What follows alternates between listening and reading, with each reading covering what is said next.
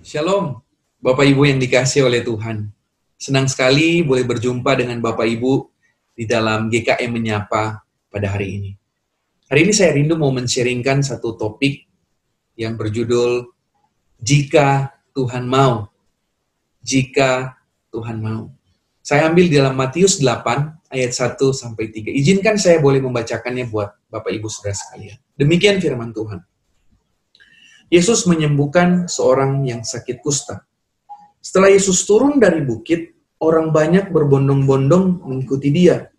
Maka datanglah seorang yang sakit kusta kepadanya, lalu sujud menyembah dia dan berkata, Tuhan, jika Tuhan mau, Tuhan dapat mentahirkan aku. Lalu Yesus mengelurkan tangannya, menjama orang itu dan berkata, Aku mau, jadilah engkau tahir. Seketika itu juga, tahirlah orang itu daripada kustanya.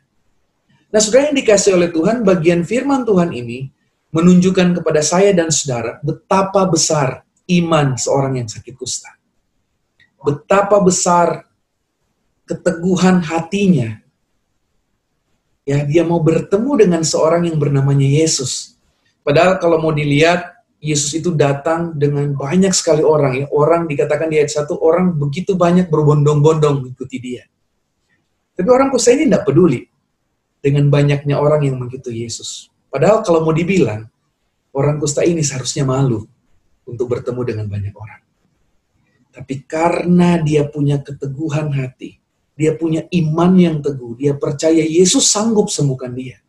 Yesus mampu sembuhkan dia dia tidak peduli lagi dengan apa kata orang. Dia langsung bertemu dengan Yesus dan firman Tuhan berkata dia menyembah Yesus. Dan dia berkata, Tuhan, jika Tuhan mau, Tuhan dapat mentahirkan aku. Nah saudara, pertanyaan orang kusta ini bisa menunjukkan betapa besar imannya. Kenapa saudara? Karena dia bertanya, jika Tuhan mau, Saudara orang kusta ini tidak bertanya, Tuhan jika Tuhan sanggup, Tuhan jika Tuhan mampu, Tuhan dapat mentahirkan aku. Saudara dia tidak ragu dengan kuasa Tuhan. Dia percaya Tuhan berkuasa untuk sembuhkan dia. Makanya saudara dia tanya, Tuhan jika Tuhan mau, Tuhan dapat mentahirkan aku. Karena saya percaya Tuhan sanggup. Karena saya percaya Tuhan pasti bisa.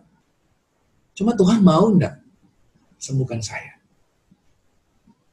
Dan Tuhan berespons dengan pertanyaan dia dan Tuhan jawab, aku mau, jadilah engkau tahir. Dan saudara coba kita lihat, firman Tuhan berkata, seketika itu juga, saat itu juga, tahirlah orang kusta tersebut. Saudara ketika Tuhan mau melakukan sesuatu, dia bisa lakukan sesuatu saat itu juga. Sudah Yesus sanggup melakukan hal-hal yang mustahil bagi manusia. Sudah menyembuhkan orang yang sakit kusta, seharusnya itu hal yang mustahil. Tapi Yesus sanggup melakukan itu.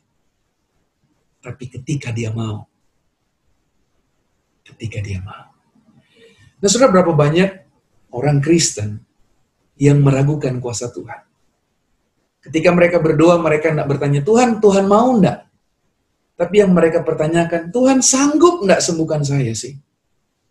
Tuhan sudah bertahun-tahun saya berdoa, kenapa Tuhan tidak sembuhkan penyakit saya? Tuhan sanggup nggak sih sembuhkan penyakit saya?